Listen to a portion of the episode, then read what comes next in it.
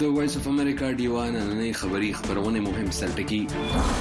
پاکستان کې د انتخاباتو اتلس ورځې وشوې خو لا تر اوسه د قامي اسمبلۍ غونډه نه ده بلل شوې قانونپوهان وایي صدر ته به د نهشتمې فروری پورې غونډه بلل وي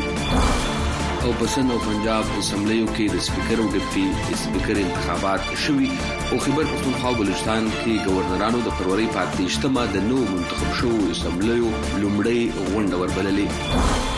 او یمن کې د حوثي وسلوالو اتلس اهداف نن د اتوار یکشنبه په ورځ د امریکا او برتانیې لخوا بمبار شوي دا تازه بمبارۍ په نږدېو کې د حوثي وسلوالو لخوا په بحر احمر کې کاروباري بېړیو باندې د حملو وروسته شوي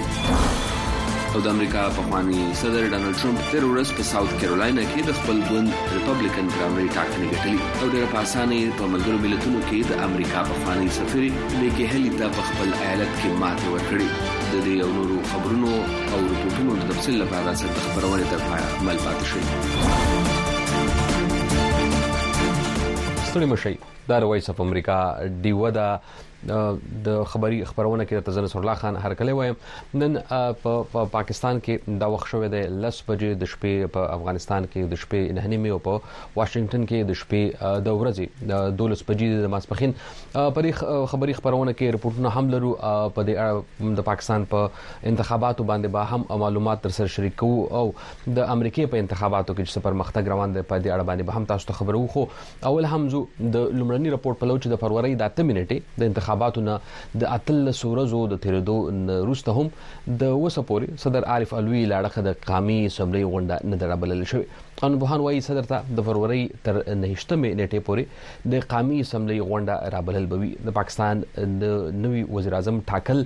خو د دې په اړه باندې څېړونکي څه وایي چې وزیر اعظم وم ټاکل شي او نوي اسمبلي جوړه هم شي نو کوم چیلنجونو سره به مخ وي تفصیل درته اسلام آباد نه د ټیوا خبرياله رابیا پیر په دې رپورټ کې وړاندې کوي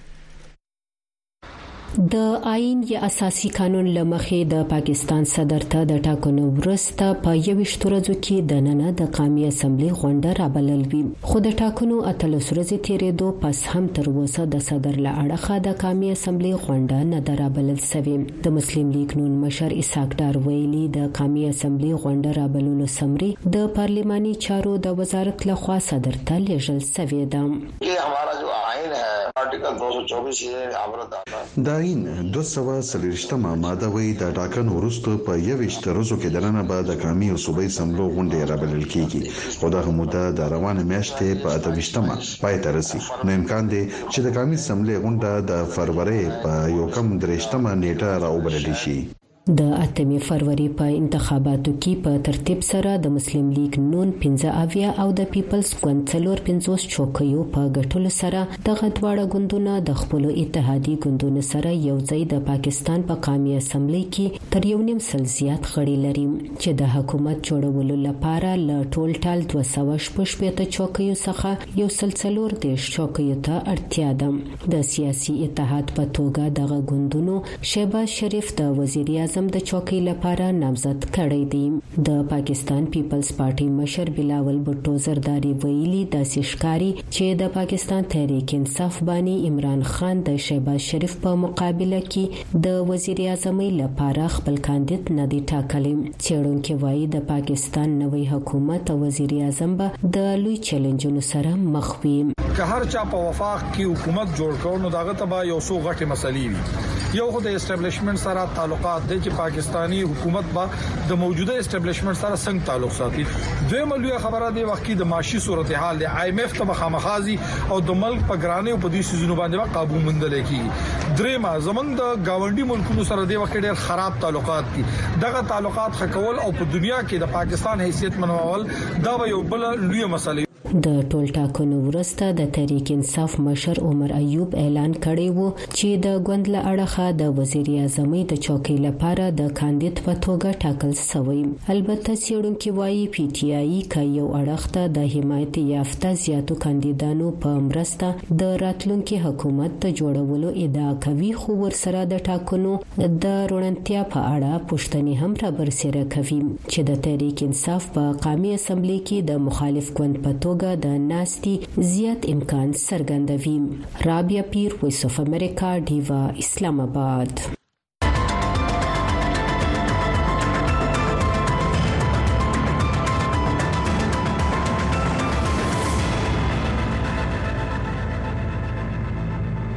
د رويس اف امریکا ډیوه د خبري خبرونه لا دوام لري په پاکستان کې که څه هم د قامي اسمبلی غونډه لا تر اوسه د صدر لخوا نه ده رابلل شوې خو پنجاب او سند اسمبلیانو غونډې رابلل شوې دي او هلته د سپیکر او ډپټي سپیکر انتخابات هم شوي دي په خیبر پښتونخوا کې صورتحال څه دی په دې اړه باندې معلومات اخلو موږ سره د سیمې نه ډیوه خبريال ریاض حسین ملګری شو ورته کله وسره مشه په خیر ریاض حسین صاحب ډیره مننه نصر الله صاحب مهرباني جی مننه کوجی دا راته کوی چې پاک پنجاب او سن کې د اسمبلیانو غونډه هم شوې دي بیا د سپیکر او ډیپټي سپیکر انتخاب هم شوې دي په خیبر پښتونخوا اسمبلی کې صورتحال څه ده جی نصر الله صاحب د خیبر پښتونخوا گورنر د اساسي قانون چې کوم د پاکستان اساسي قانون دی دا غي د یو سل او نهه مادې لاندې د اسمبلې اجلاس چې دنو هغه د روانې میاشتې په تیشتمه نیټه باندې رابلل دي او په دغه ورځ باندې بعد سپیکر او چې کوم منتخب غړي دي او سره ډیپټي سپیکر او داغه نه علاوه د صوبې د وزیر اعلی چې کوم دی داغه داغه انتخاب کیږي او د هغې لپاره بیا دا دی چې د حکومت د کوم چې اکثریتي پارټي دا هغوی خپل کوم چې امیدواران دي پای کې د وزیر اعلی د لپاره او بیا د سپیکر د لپاره دوا کاندیدان چې دینو هغه نامزد کړی شوی هم دي او په دغه ورځ باندې په بیا دا وی چې لومبي چې کوم دی هغه به د سپیکر د دین وړاندې په بیا چې کوم منتخب غړي دي دا وی انتخاب کیږي او د هغې نو ورسته بیا چې کوم سپیکر دی د سپیکر انتخاب کیږي او بیا به د هغې نه وروسته د ډیپټي سپیکر انتخاب کیږي او د هغې وروسته بیا چې کوم سپیکر منتخب شي هغه سپیکر به بیا چې دینو هغه به بیا وزیر اعلی انتخاب کوي دغه سي دا چې چې کوم منتخب غړي دي دا غینه بلومبي چې کوم دی وخت کې سپیکر دی مشتاق غنی هغه به دا غوینه سوګند اخلي هغه به سوګند پورته کوي او چې کله بیا دغه چې کوم سپیکر لومبي منتخب شي نو هغه به بیا په خپل باندې نور چې کوم ډیپټي سپیکر دی بیا وزیر اعلی دی او چې کوم غړي منتخب شي وي هغه به بیا په اسمبلی کې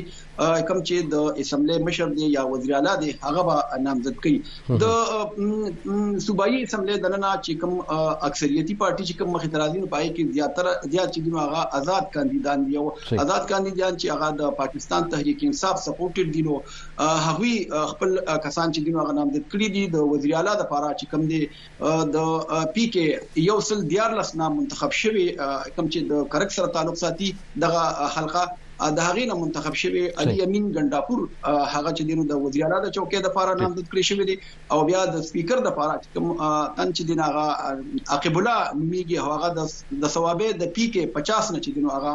منتخب شوی دی د صوبایي اسمبلۍ غړی دی هغه چې د سپیکر عہدې لپاره هغه نامزد کړی شوی دی او د ډیپټي سپیکر لپاره لا کوم نوم چې دینو هغه نه دی راغلی لومبي په اړه وی دغه پروسس بداسي وي چې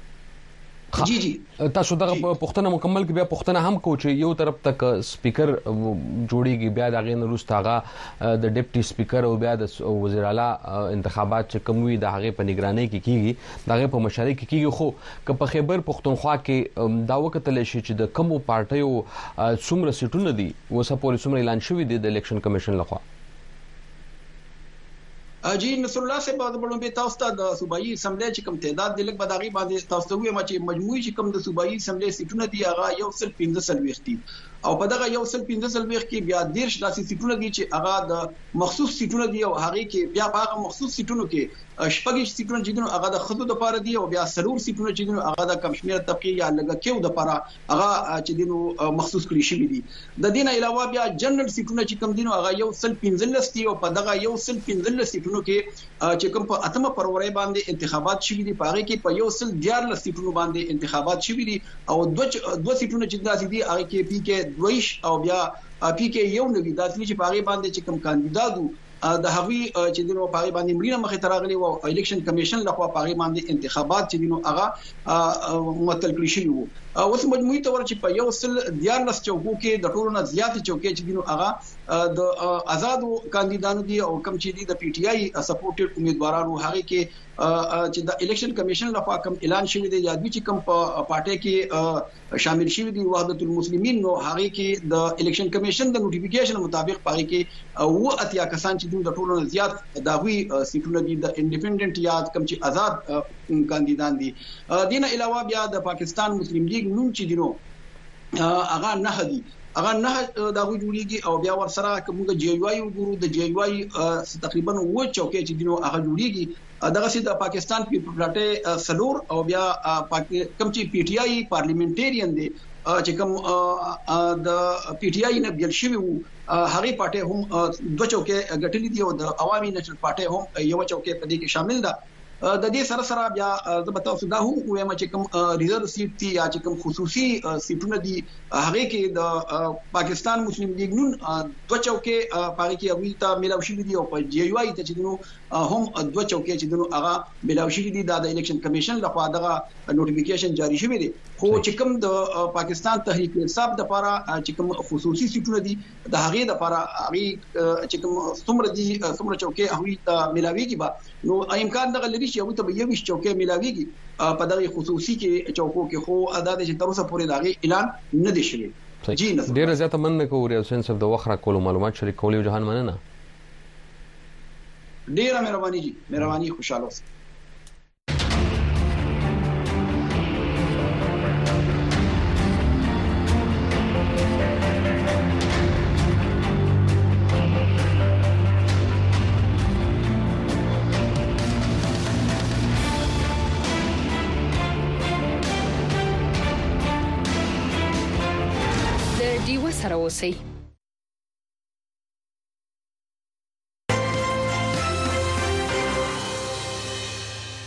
د رويس اف امریکا ډیو ده په سیمه باندې نور رپورټونه هم لرو خو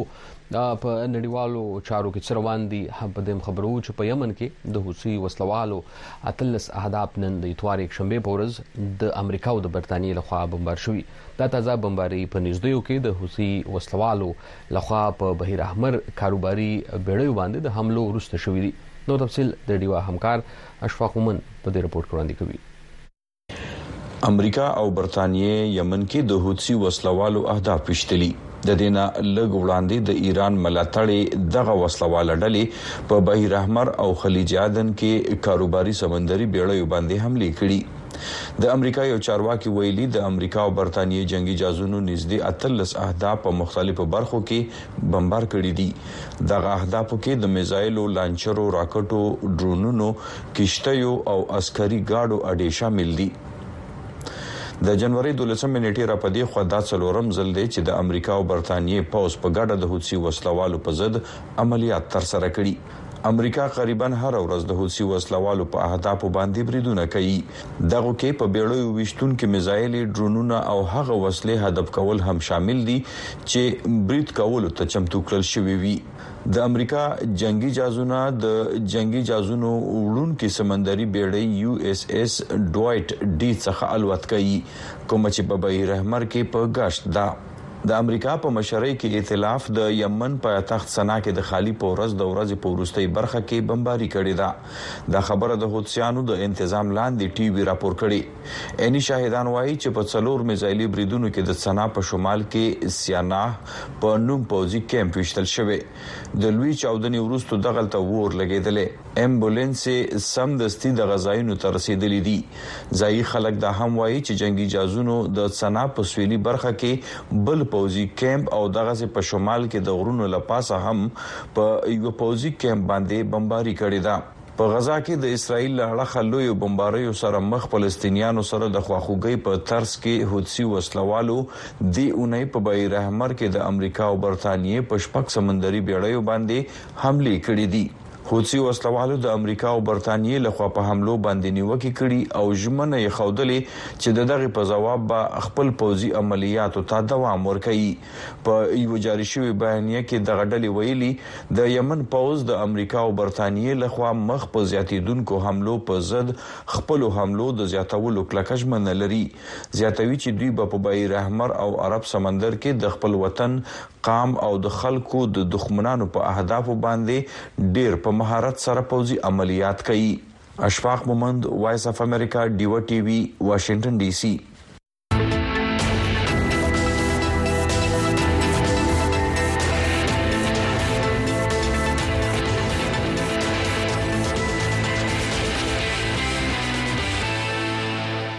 دا د وایس اف امریکا ډیوه د خبري خبرونه لا دوام لري تازه معلومات دا دي چې د اسرایل جنگي کابینه په قطر کې د دورو خبرو اترو منځوري ورکړې ده بل لخته د غزا خار په رفاه کې د اسرایل د ممکنه عملیات وړاندې د اسرایل او د حماس ترمنځ په جګړه کې د اوربند تر ترلاسه کولو د باقی پات اسرایل د ارغمال کسانو د خلاصولو لپاره په پیرس کې د درېمګړو خبري اترې دوام لري په دې اړه باندې نور تفصیل سره تاسو ته د ډیوا همکار ارباب محمود علي په دې رپورټ کې وړاندې کوي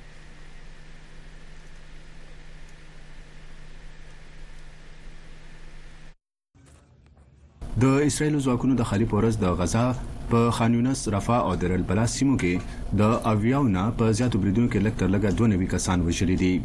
اسرائیل ویلي، که زر تر زره لوظنامه ترلاسه نه شوه، نو دوی به په رفاه برید وکړي.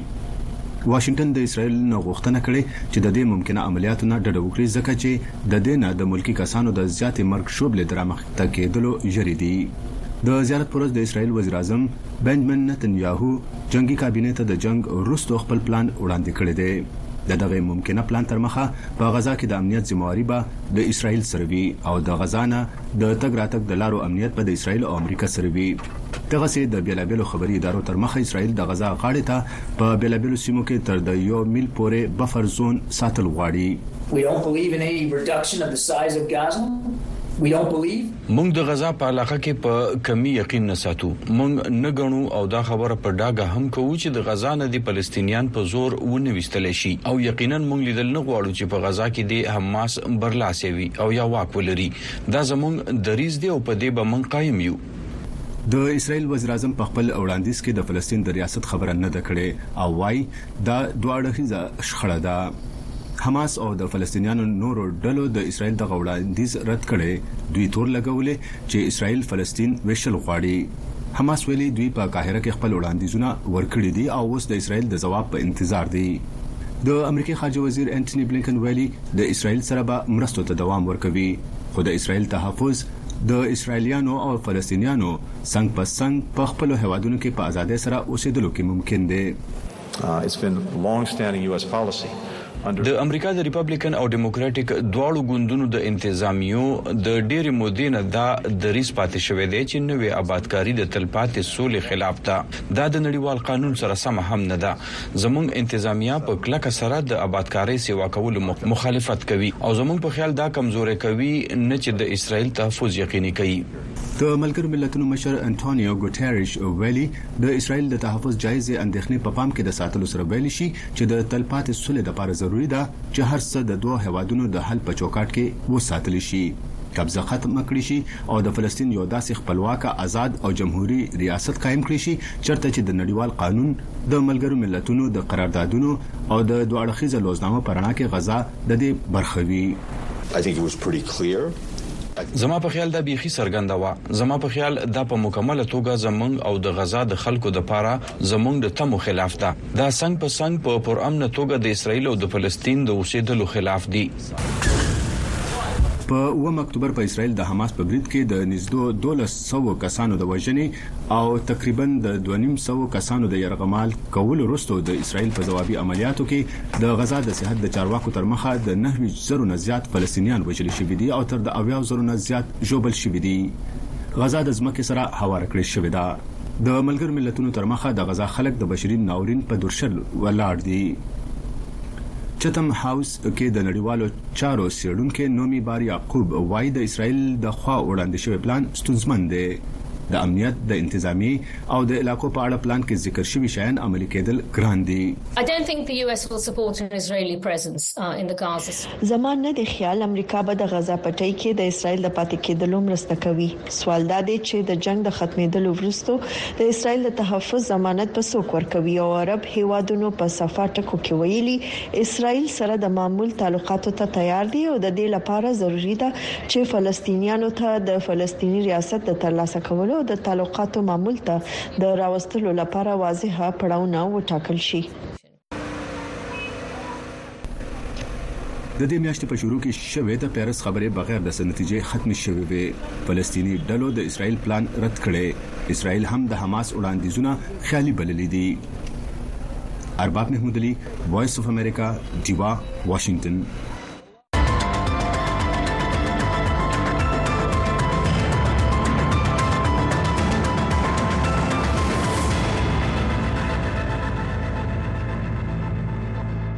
د وایس اف امریکا ډیو د خبري خبرونه لا دوام لري د امریکا صدر جو بایدن پروس د 1509 بندیزونو اعلان په داسې حال کې کړي چې نړۍ په اوکراین د روس یرغل دویمه کلیزه لمانځي په دې وروستیو پنځو سو بندیزونو بایدن د روس د جګړې ماشین په نخښه کړی په شمول د وسلو حاصلولو هغه کسان یې هم په نخښه کړي چې یو نه وړاندې د روس د اپوزیشن مشهور مشر الکسی ناوالني په بند او مرګ کې ښکېلي د ویوې جګپوړي سفارتي خبریالي سانډیسن رپورټ کې ته نور تفصیل وړاندې کوو د اوکراین دفاعي ځواکونه د روس د یرغلګر پوځ د شا تګ لپاره هڅه کوي د جمعې په ورځ صدر جو بایډن د روس د اپوزیشن د مشر الکسی ناوالنی باندې د روس په زندان کې د برید او مړینې په سر په 1500 کسانو او ادارو باندې د بندیزونو په اعلانولو سره په اوکراین کې د روس د یرغل دویمه کلیزه ولمانځله هغه وویل چې د روس صدر ولادمیر پیوټن د یوکراین د خلکو زړورتیا ناسمه اندازه لګولې وه. او پوټین په دې باوري و چې هغه به په اسانۍ سره د یوکراین د ازادو خلکو حوصله او همت مات کړي، په خلکو به تېر شي، او هغه به یوکرين ونیسي خو دوه کاله پس هم هغه غلط دی او وګورئ کیف اوس هم ولاړ دی اوکرين لا هم آزاد دی او د یوکرين خلک د پوتين د سختو حملو په مقابله کې په خپل ځای کلک ولاړ دي بایډن ویل چې هغه د زیارت یا پنځشنبه پورز په کالیفورنیا کې د ناوالني له کونډې او لور سره ملاقات وکړ. او دوی ته یې دا ډاډ ورکړ چې پیوټن به په بهر د تیري کولو او کور کې دننه د جبر کولو په سر قیمت ادا کړي. ارجنټاین ته د سفر په ترڅ کې د امریکا د بهرنیو چارو وزیر انتني بلینکن وایس اف امریکا د یوې پوښتنې په ځواب کې وویل چې هغه په دې باور دی چې بندیزونه به د روس د اقتصاد، پوځي او انرژۍ په سکټر کې د پرمختیا کولو باندې به اوږدمهاله اغېزه وکړي. بلېنکن ناوالني هېر نه کړ. موږ د درېیو کسانو خلاف په ځانګړي توګه د الېکسي ناوالني د مړینې په تړاو د جېل ساتونکي، د سیمه ییزه جېل مشر، د فډرل جېل د خدماتو محکمې مرستیال ډایرېکټر خلاف اقدام کوو. په ماسکو کې پیوټن ډیفنډرز اف د فادرلینډ په مناسبت د وطن پالنې په مراسمو کې برخه واخیسته او په اوکراین کې جنگیدونکي د مستند اتلانو په نوم یاد کړل ځینې څېړونکي وایي چې د روس په جیل کې د ناوالني ناڅاپه مرګ ښايي چې پیوټن کمزوری دی. زه فکر نه کوم چې هغه به الکزي نیوالني وژلی وی که چېرې هغه ویره نه لرله. زما په اند دا هغه یو تن کولی شي چې په ویره کې وي او پیوټن د واک لاسه ورکولو ویره لري ځکه چې که هغه واک د لاسه ورکړ نو هغه مړ کیږي. که څه هم روس وايي ناوالني په خپل مرګ مړ شوی، خو براوډر په ماسکو باندې د نوو بندیزونو هرکلی وکړ. بل اړخ ته هغه وویل چې کرملن لا هم د امدن لویه سرچینه لري. So as long as Russia continue to sell their oil. نو تر هغه چې روس خپل تیل خرڅولی شي، دوی به وسلو اخیستلو ته دوام ورکوي او خپل پوځ ته به پیسې ورکوي او جګړه به روانه وي او موږ نشو کولی چې د دې په شاوخوا کې خپل هدف ترلاسه کړو. دا په کوټه کې د هاتي په مثال ده. په سېنېټ کې د اکثریت مشر چک شومر د جمعې په ورځ د سېنېټرانو له یوې ډلې سره اوکراین ته ورسېد چې امریکا کانګرس به د مرستې بل بل هم وړاندې کړي. دا په داسې حال کې ده چې د امریکا ریپبلیکن ګوند په اکثریتي ایوان نماینده ګان کې له شپېته بلیونه ډالره بل لا د ځنډ ښکار دی. د سنډي ساین لپاره نظرالله خان وایس اف امریکا ډیوه واشنګټن.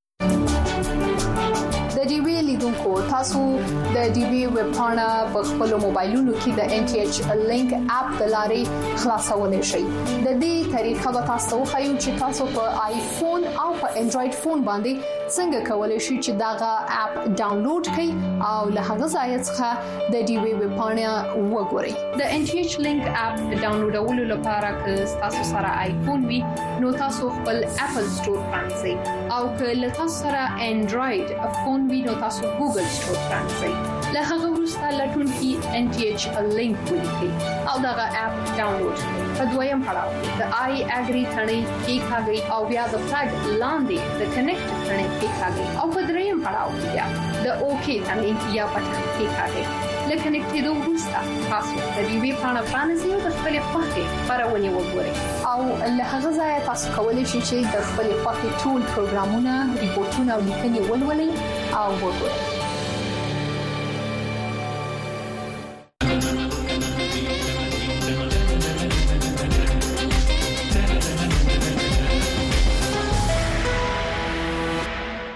د وایس اف امریکا ډیوه د خبري خبرونه لا دوام لري د امریکا په انتخاباتو کې سره باندې په دې اړه باندې خبرو د امریکا په خواني صدر ډونالد ټرمپ تیر ورځ په جنوبي کیرولینا کې د خپل ګوند ریپبلیکن پرامري ټاکنې ګټلې دي په دې اړه باندې د معلوماتو او سړنه اخلو موږ سره د نیویارک خار نه د سړونکو جنگیر خټک سره ملګری شو تر کله یو سلام شو په خیر راغلی جنگیر خټک سره ډیره مننه نصر الله خان صاحب تاسو ته کتونکو اوریدونکو ته ډیر سلامونه احترامونه مننه کو جنگ خټک صاحب یو طرف ته په ساوث کیرولینا کې چې کوم ووټونه شوې دي یا پرایمري د ریپابلیکن ګوند کې چې خپل انتخابات کیږي چې پاره کې به کوم امیدوار د هغې د طرف نه بیا الیکشن کې برخه اخلي د امریکای د صدارت لپاره پاره کې چې کوم ګټه شوې ده نو هغه د پخوانی صدر ډانلډ ټرمپ شوې ده د نیکه هلی ته په دغه کې بلاد مخ ته راغلی دی د دې په اړه باندې تاسو ګورئ چې مخ کې لار به څنګه وي د دې په مقابله به څنګه وي که په دې اړه باندې لږ په هغه بالکل لکه بیګا چې کم نتایج راغلل یقینا چې دا څه ډیر زیات حیران کن نه وو ځکه چې عام خیال دا و چې ټرمپ چونکه ډیر زیات اکثریت د ریپبلیکن ګوند چې کوم پلویان دي هغه د سره دي نو خیال دا و چې دا به ګټي خو ساوت کیرولینا یا جنوبي کیرولینا هغه ریاست دی یا ایالت دی چې کم ځای کې نیکی هیلی دوه ځله گورنر پاتې شوې ده خو الته کې هم د هغه بیلات هغه سیاست د پاره په دې ټاکنو کې ما په خیال ډیر لوی نقصان دی ځکه چې يو داسې رياست چې کوم ځای کې نيکي هيلي خپل فياست شروع کړی وو چې کوم ځای نه هغه دوه ځل ګورنره منتخبه شوله اول انډين امريکن يا د هندوستان سره تعلق لرونکي امريکنۍ چې کومه ګورنره جوړه شوله هغه ته هلته کې چې کوم مقامي سياستوال دي هغه يې مرسته هم نه وه حاصله مثلا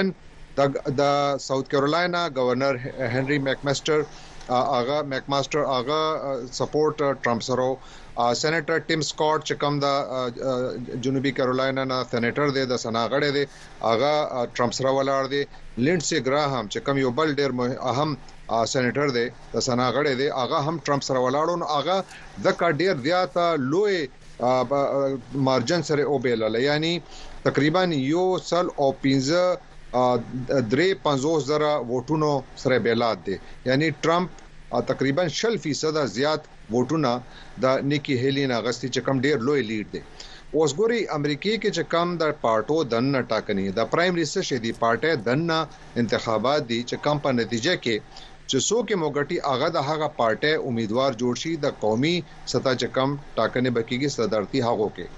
او هغه د پاره په ریپبلیکن ګوند دننه چه کوم پرایمریز کیږی هغه کی هغوی ته چه کوم ټوټل څومره هغوی بیسیکلی دا چه کوم ټاکنی کیږی دا مندوبین د پاره کیږی چه کوم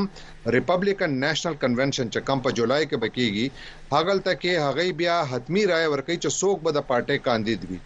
نو هغه هر چه کوم ریاست دی د هغه خپل مندوبینو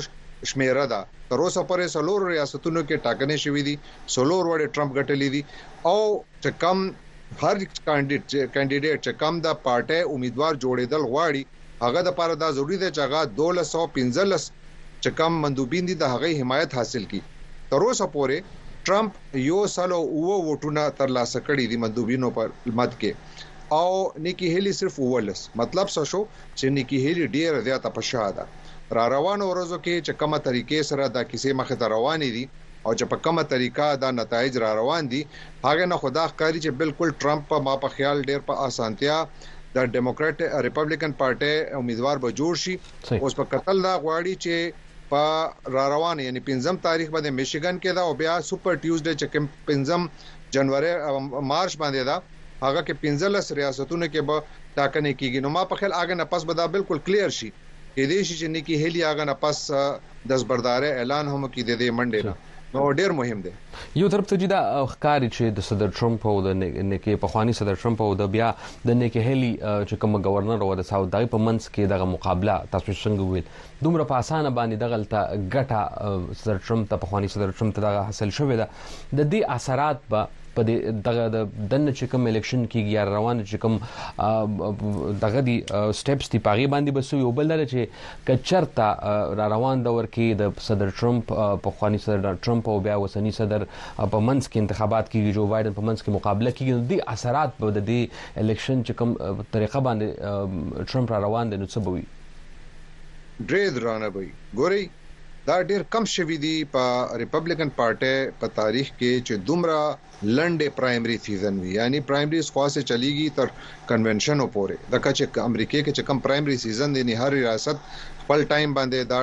ټاکنې کوي د پارټۍ دننه نو هغه کې خو لا وخت شته دی خو چونکې ټرمپ ډیر مخکې روان دی نو دا خیال دی چې دا کیدی شي چې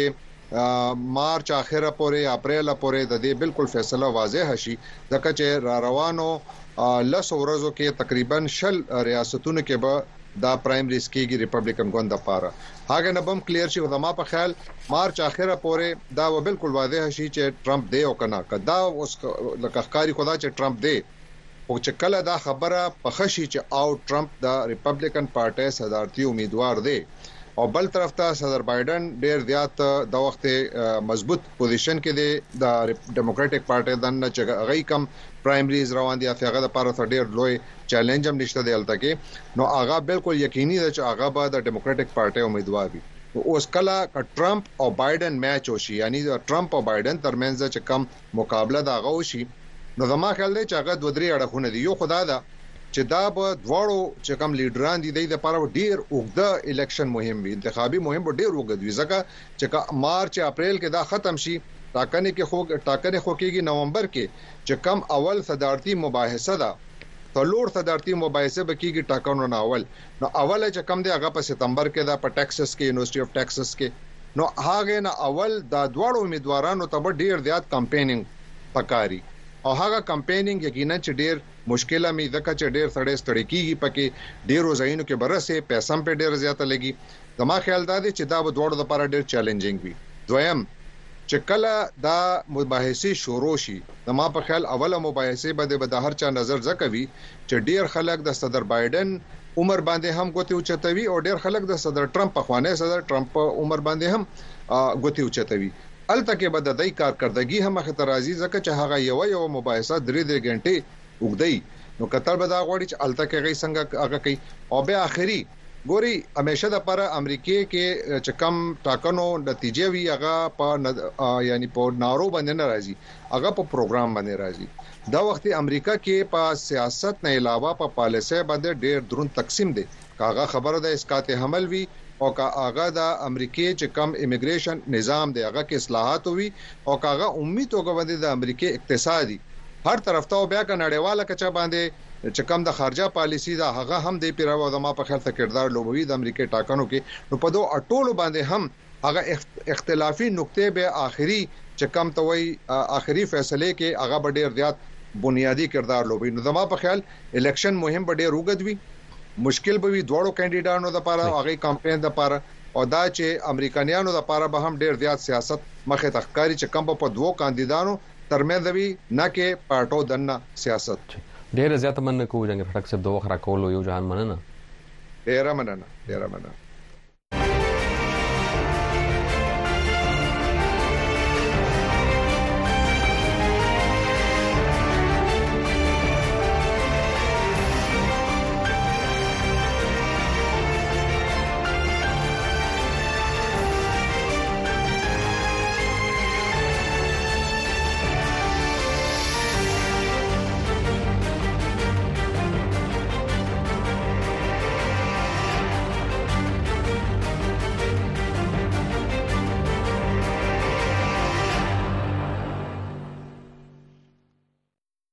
د رويس اف امریکا ډیوه د خبري خبرونه لا دوام لري هم د سیمې په اړه باندې درته رپورت وړاندې کوو چې د پښتونخوا په 400 کې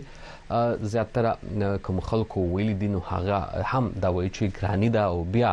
دوی وی چې دغلت بیروزګاری هم زیاته ده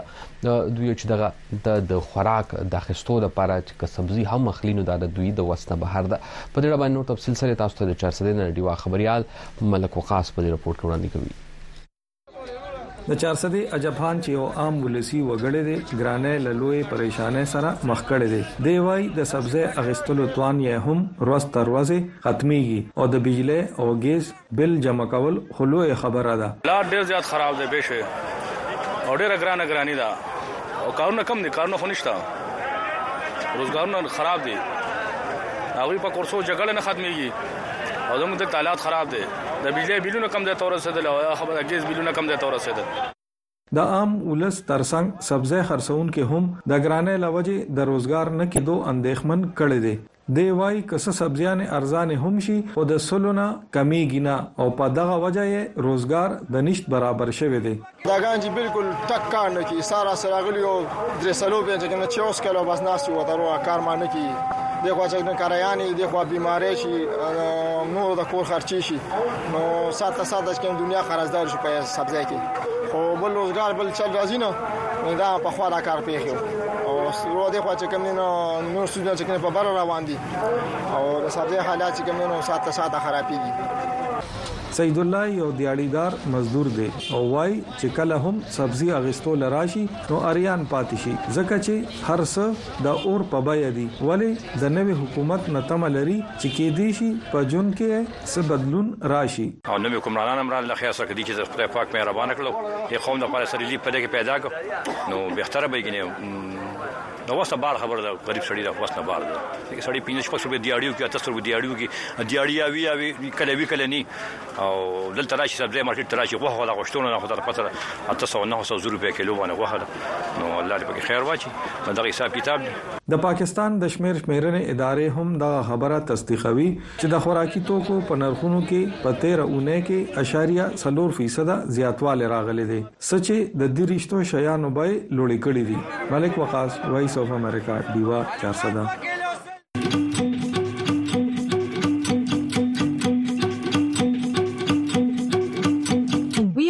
په سټلایټ ټي وي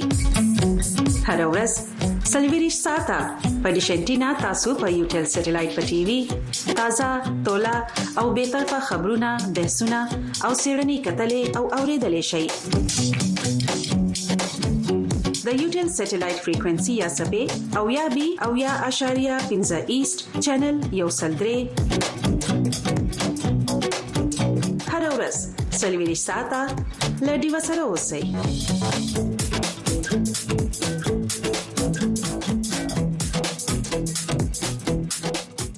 د وایس اف امریکا ډیوه ده په پیښور کې تیر ورځ په یو شخصي روغتون نارت ویسټ کې را جوړ شوی ورځنی دستوري ته ډاکټرانو ویل نیرو ټراما یا د اعصابو جوبلیدل داسې یوه ناروغي ده چې د ناڅاپي حادثې یا پیښې له امله مخې ته راځي دوی وايي په پاکستان کې هر کال په لکونو شمیر کې خلک د سر د خوګېدو یا نیروټراما په رنس اخته کیږي او زیاتره پیښې د موټر سایکل ګاډي اکسیډنټ او نورو شیانو د لاسه مخې ته راځي نور جزئیات د پېښور نه ډیوه خبريال فرید شینواری په دې رپورټ کې وړاندې کوي ډاکټران وایي د اعصابو ژوبلیدل یا نیوروټراما یو داسې نقصان دی چې په زیاتره وختونو کې د خلکو به احتیاطي د لاسه رامنځته کیږي او خلک د مرګ خلی ته رسوي دوی وایي د نیوروټراما علتونه د گاډي نه ورزیدل او سرپوز مکه لګیدل اکسیډنټ کول او ځینې نور شامل دي او ډېر معمولی شونو نه چې ځان سړی بچ کی که موږ خبرې وکړي چې را تاسو چې موټر سایکل چلوي چې هلمټ چوي دا ډېر ضروری خبره ده چې ګاډي چلوي چې سیټ بیلټ چوي دا ډېر ضروری خبره ده چې بره په چت باندې چې خیال ساتي چې چت ریلینګ وي چې یو نه ګرځيږي بیا بدقسمتۍ نه بدقسمتۍ نه زموږ خلک زموږ خلک هوایي ډزې ډېرې کوي دا هم ډېر خطرناک شی دی ډېر خلک زخمیان کیږي خوږیږي نو دینه بچت پکار دی نو ډېر اسانه چې بچ د طب پوهانو شمیرې ښایي په پاکستان کې هر کال اته لکه کسان د اعصابو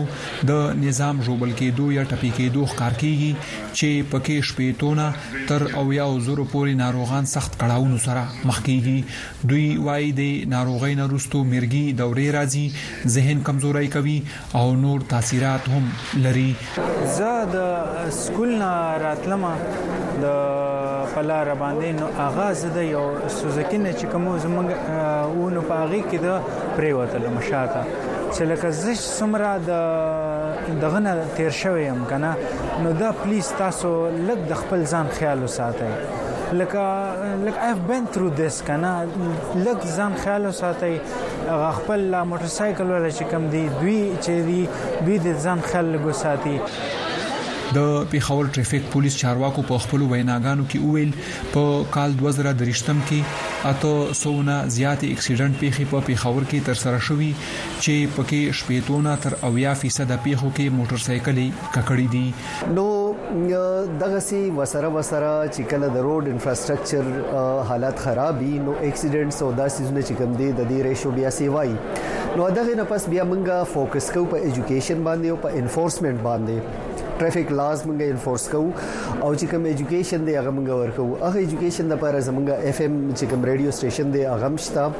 د دې نه علاوه موږ ځای په ځای پمفلټې زموږ ټیمونه دي زموږ موبایل ټیمز دي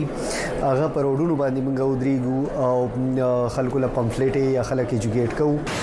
ډاکټران وایي که ټریفیک قوانین عملی کېدو ترڅنګ خلکو ته د هیلمټ، سیټ بیلټ اچولو او ځینې نورو شیانو په اړه پوهه ورکړی شي نو د نیورو ټراوما ناروغانو په شمیره کې کمای راتلای شي. فرید شینواری، وایس اف امریکا، ډیوه، پیښور.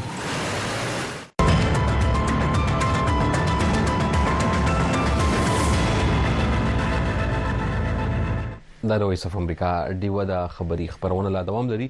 دیو تاسو په فیسبوک په خواني ټوئیټر اوسنی ایکس انستګرام او یوټیوب باندې هم فالو کول شي د خپل ملګرو سره شریک کول شي هم زو د بل رپورت په لوچ د روغتیا نړیوالې ادارې په خپل تازه رپورت کې ویلي افغانستان کې د ضرورتمندو کسانو شمیره زیاته شوې او کال دوه زره څلوېښت م کې شاوخوا څلېرویشت میلیونه خلک روغتیايي مرستو ته اړتیا لري. سازمان وايي، په دې لړ کې د بودیجې بشپړولو او خلکو ته د خدماتو ورکولو لپاره اضافي درې سوه او دوه پنځوس میلیونه ډالرو ته ضرورت دی. د اقتصادي چارو افغان کارپوهان وايي، د جمهوري نظام د ختمېدو په نتیجه کې د مرستو کمېدل او اقتصادي ناورین راتلل هغه عوامل دي چې په هېواد کې روغتیايي مرستو ته ضرورت سېوا شوی دی. نور تفصيل د سیمې نه لري خبريال عبدالرزاق په رپورت وړاندې کوي د ملګرو ملتونو د ماشومانو د ملاتړ ادارې یونیسف په خپل روستي ریپورت کې ویلي چې د روان 2023م کال په لومړۍ میاشت کې د افغانستان په سلور دیر ولایتونو کې د سا اغستو په ناروغو د اخته شو تنانو شمیره یو لاک او شپېته زره ریکارډ شوی چې د تیر کال په پرتله کې 14% زیاتوالی ښایي د روغتیا د چارو پوهان وايي چې د یخنۍ په موسم کې خلک د سینې قسمه قسم ناروغو نه متاثره کېږي چې تر ټولو زیاتې خطرناکې پکې انفلوینزا، کرونا او نمونیا ناروغۍ دي. دی وايي باید خلک د مخ پټولو ماسک کاري، د یخنۍ نه ځان خوندي کړي او مناسب خوراک اخلي. مخکې نه د شوګر یا د بلډ پرېشر یا داسې بله څه کرانیک بیماري پکې وي نو دا خلک چې کوم دي دې ته معمولي انفیکشن هم زیات وي او په هغې کې د دي شدت وي په بیمارۍ کې هم شدت ډیر وي او د مرګ شرم زیاته وي او بل دا دی چې کم په جمی کې د عام د بکټیریل چې کم انفیکشن دی دا غي د وجنه چې کم نمونیا ده نو هغه شدت هم ډیر وي او هغه کې د مرګ خطر ډیر وي اسپیشلی په هغه خلکو کې د چا چې عمر ډیر کم وي لکه ماشومانو کې یا ډیر چې عمر ډیر زیات وي د یونیسف د رپورټ تر مخه د افغانستان په کچه په دغه ناروغه شو تنانو کې 2.8% هغه ماشومان شامل دي د کوم چې عمرونه د 15 کالو نه کم وو د صحت ماهرین وایي چې په یخنۍ کې د احتیاط او د ماشومانو په وخت مستند ډاکټر څخه علاج نه کېدو له وجې د ساه یا تنفسي ناروغۍ په ماشومانو کې پیچیده شکل اختیار کړي او مریض د مرګ خولې ته ورسوي. هغې کې يو دوه بيمارۍ ډېرې کامن دي چې کوم مونږ سره يې دي نيمونيا او اکيوټ برونکيولائټس چې کوم مونږ ورته برېخ وايو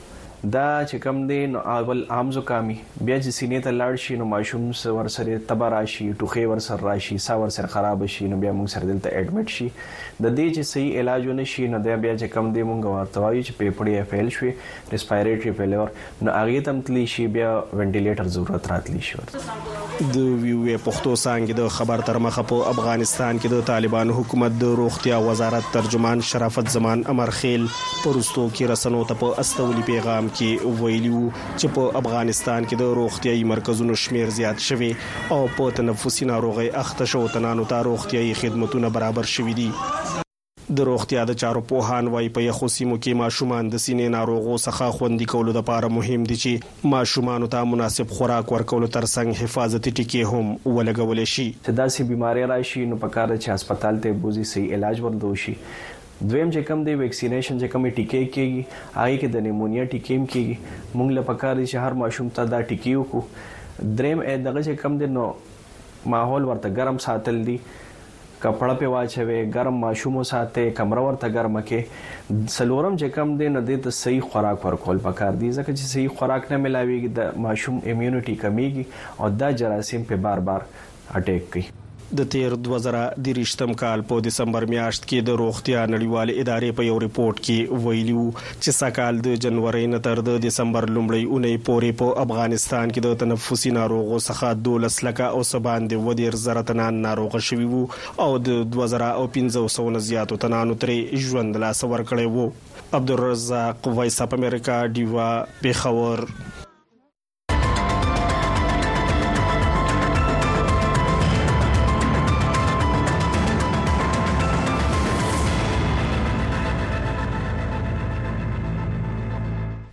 وایس اف امریکا ډیوه د خبری خبرونه لا دوام لري د پولیو او وکسینو په اړه باندې درته رپورت وړاندې کوو چې ولې وخت په وخت باندې د پولیو او وکسینو دغه کمپاین کیږي په دې اړه باندې څومره ضرورت ته قیمت یې څنګه وی په دې اړه باندې د آگاهی یو مهم چلیږي په دې اړه باندې نور تفصیل سره تاسو ته رسوي مینه ډیوه خبريال صدام حسین خان په دې رپورټ کې وړاندې کوي پولیو ایراډیکیشن واکسین باندې زرګر فوکس ځکه دی چېرې دا تقریبا یو سل او اته ویشت ملکونو کې ده وایلډ پولیو وایرس ورته وایي دا موجود و انسانانو دیس ته ورسېده چېرې دوی ته دا واکسین جوړ کړ او د واکسین په وجه باندې دا یو سل اته ویشت ملکونو کې دا پولیو وایرس چې دی بالکل ختم شو خو دوه وطنې داسې دي چې یاره لکه په افغانستان دی او پاکستان دی چې دلته اوس هم دا وایي پولي وارس چې ټیسټ وکړو موږ انوایرمنټل سامپل ورته لو کنه ستاسو نالو نه اوبه والي او د هغې سامپل وکړي په هغې هم تقریبا شپېته اویا لکه روپۍ خرچه راځي په یو ټیسټ باندې نو په هغې چې ټیسټ موږ وکړو دلته په ماحول کې موجود یې وایي پولي وایرس نو ابار دنیا ستو چې دا کړي چې یاره وروره دا شی خو که دلته ختم نه شو نو دا بیرته زموږ وطن ته راځي ځکه انسانان خو ځي راځي کنه هغوی ریږي په دې باندې چې یاره موږ خو د خپل وطن کې دا پولي وایرس ختم کړی دی خو په دې خلکو څخه خو تګ راتګ یې د انسانانو تاریخي تګ راتګ وي نو دا وایرس موږ ته بیرته راتلی شي نو هغوی مو وروره دا غم چې دی دا ختم کړئ او که نه ختموئ په ایرپورټ راځئ نو دا دوه قطرې به ته په خوله کې کوو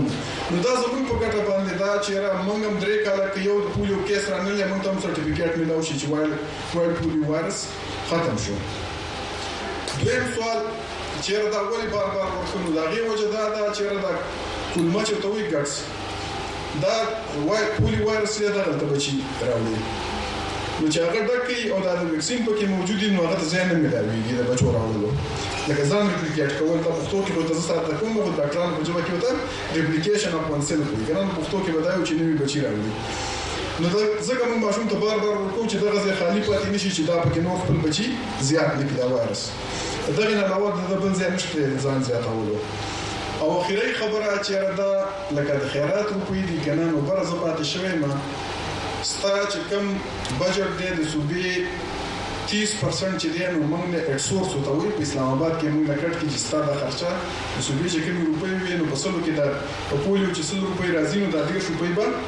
صوبه ورکوي باقي پکې څه فډرل ګورنمنټ ورکوي پکې څه پکې ډبلیو ایچ او ورکوي او زه پکې یو ای چې دی نو هغه څه وخت پورې فنډ کوم نو که تاسو دا سوچي چې دا شی مفت دی نو مفت نه دی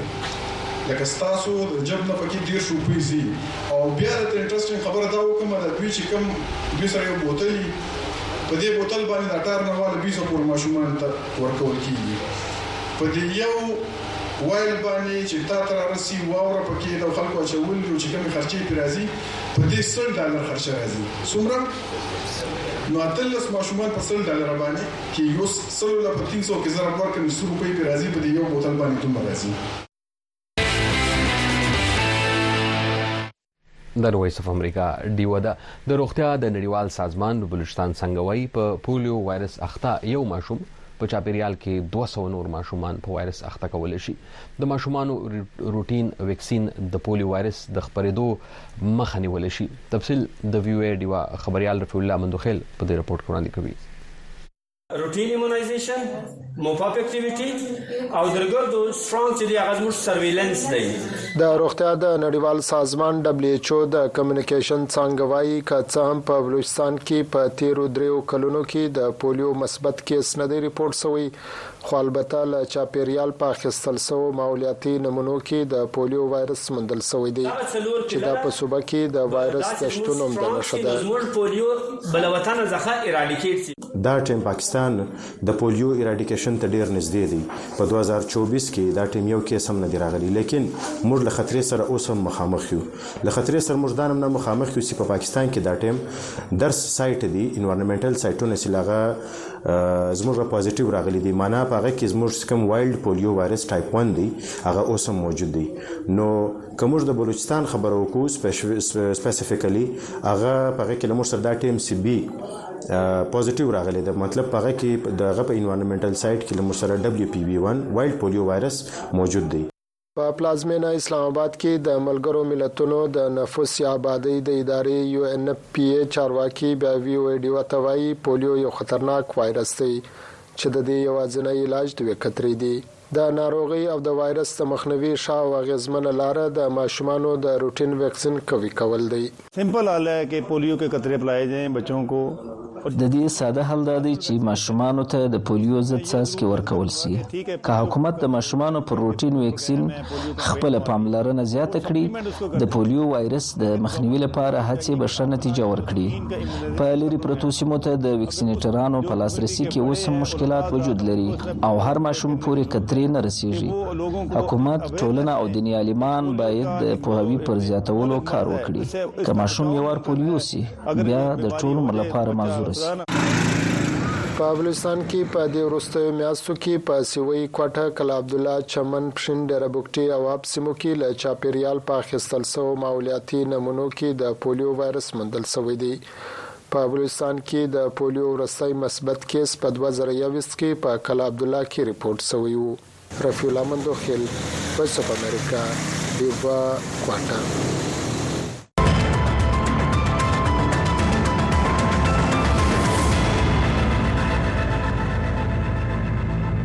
دا د وایس اف امریکا ډیوه ده. سوات کې یوه خیراتي اداره د تلسیمیا یا د وینې وچېدو ناروغ ماشومانو ته وړیا وینه ورکوي. او د روژې د میاشتې لپاره دغې ادارې ته د شخصي کالجونو عوامو خلکو وینه ورکړې ده خو په سرکاري روغتونونو کې د دې ناروغۍ ماشومانو ته د ویډیا وینې ورکولو اسانتیا نشته نور تفصیل تاسو ته د سوات نړیوال خبريال فیض ظفر په دې رپورت کې وړاندې کوي الفجر فاونډېشن یوه خیراتي اداره ده کوم چې د تیرو شلو کلونو نه د وینې وچېدو یا د تلیسیمیا ناروغه ماشومانو له ویډیا وینه ورکوي. د ادارې چارواکي وایي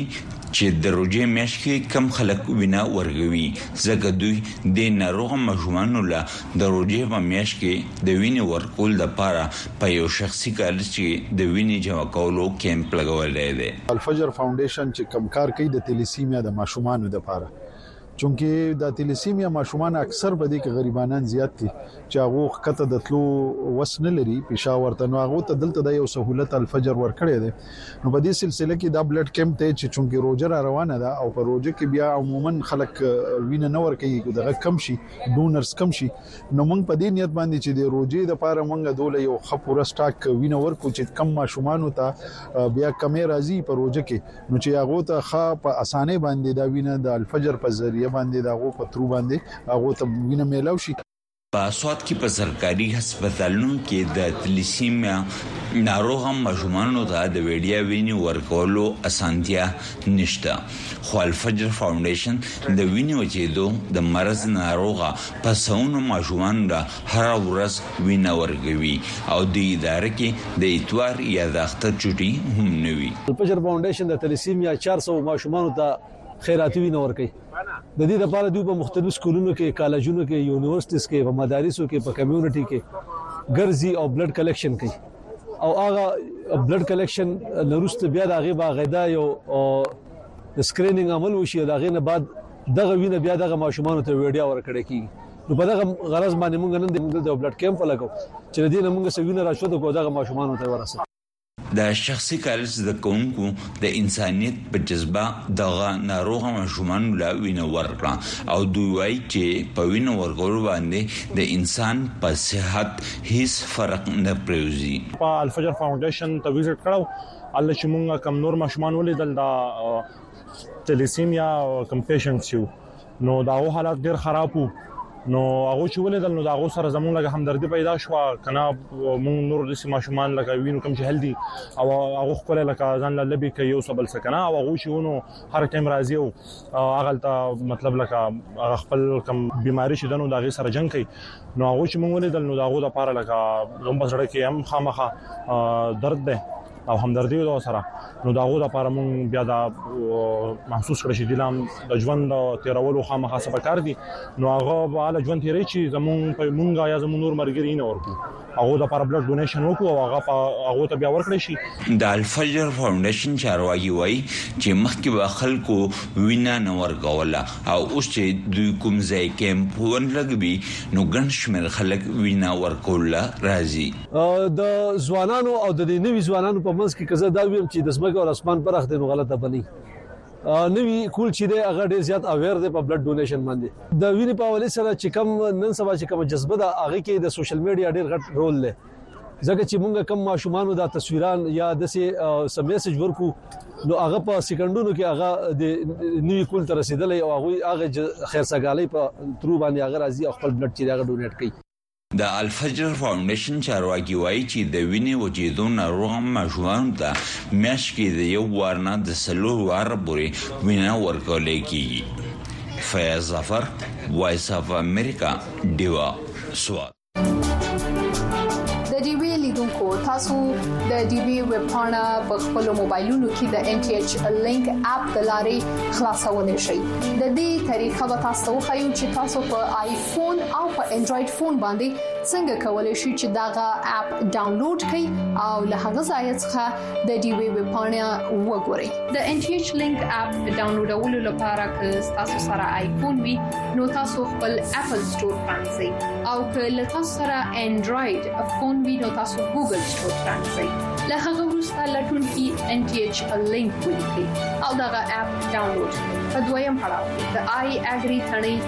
کې کاږي او بیا د فلګ لاندې د کنیکټ تڼۍ کې کاږي او په دریم پړاو کې بیا د اوکی تڼۍ یا بټن کې کاږي له کنیکټ کېدو وروسته تاسو د دې وی پاڼه پرانیزئ او د خپل خوښې خبرونه وګورئ او له هغه ځایه تاسو کولی شئ چې د خپل خوښې ټول پروګرامونه ریپورتونه او لیکنې ولولئ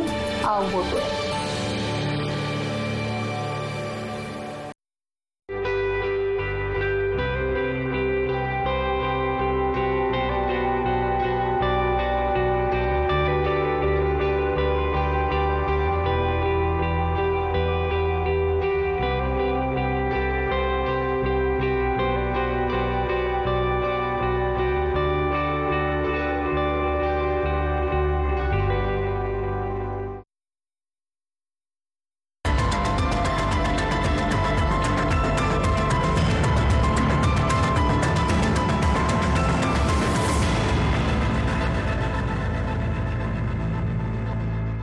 دا د وایس اف امریکا ډیوه ده د ډیوه خبری خبرونه تاسو نه خبرې غا د واشنگټن ډي سي سټوډیو نه کتله چې تاسو دا خبرونه تاسو نه پاتې شوی ویني خبرنګا یا لایو هم نوې کتلی